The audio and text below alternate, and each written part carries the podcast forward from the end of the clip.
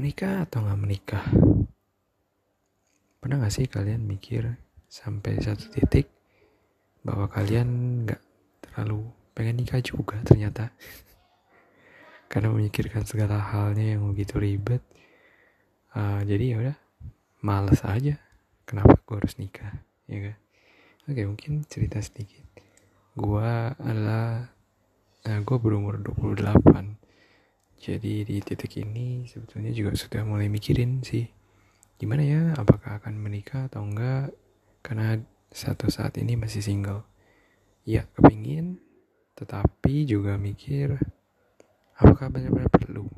Oke.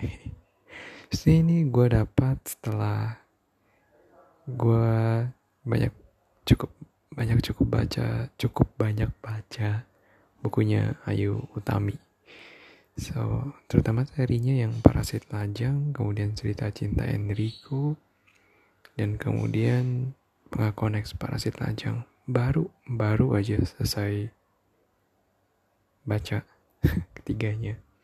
Ya, nggak dalam satu hari ini, but anyway, uh, gue baru baca, selesai baca yang eks Parasit Lajang. Di situ banyak sekali yang menarik tentang bagaimana apakah kita harus bagaimana kita sebetulnya harus menyikapi pernikahan. Uh, karena pernikahan kan setelah aku pahami adalah sebuah konstruksi sosial. Berat berat gak tuh? Uh, anyway maksudnya adalah uh, intinya adalah itu adalah sebuah pilihan. Sebetulnya bukan secara biologis atau alami kita untuk menikah. Yes, kita punya keinginan untuk belong to some social group atau mungkin dekat dengan seseorang.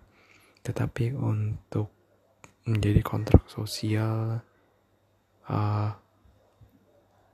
bersatu dengan orang lain uh, menjadi suatu keluarga, mempunyai anak, ada kecenderungan biologis, tapi sebetulnya adalah kontrak sosial karena kita punya pilihan.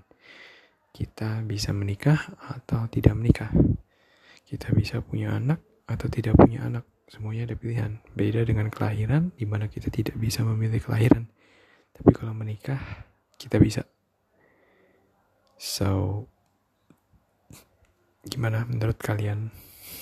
Apakah menikah atau enggak?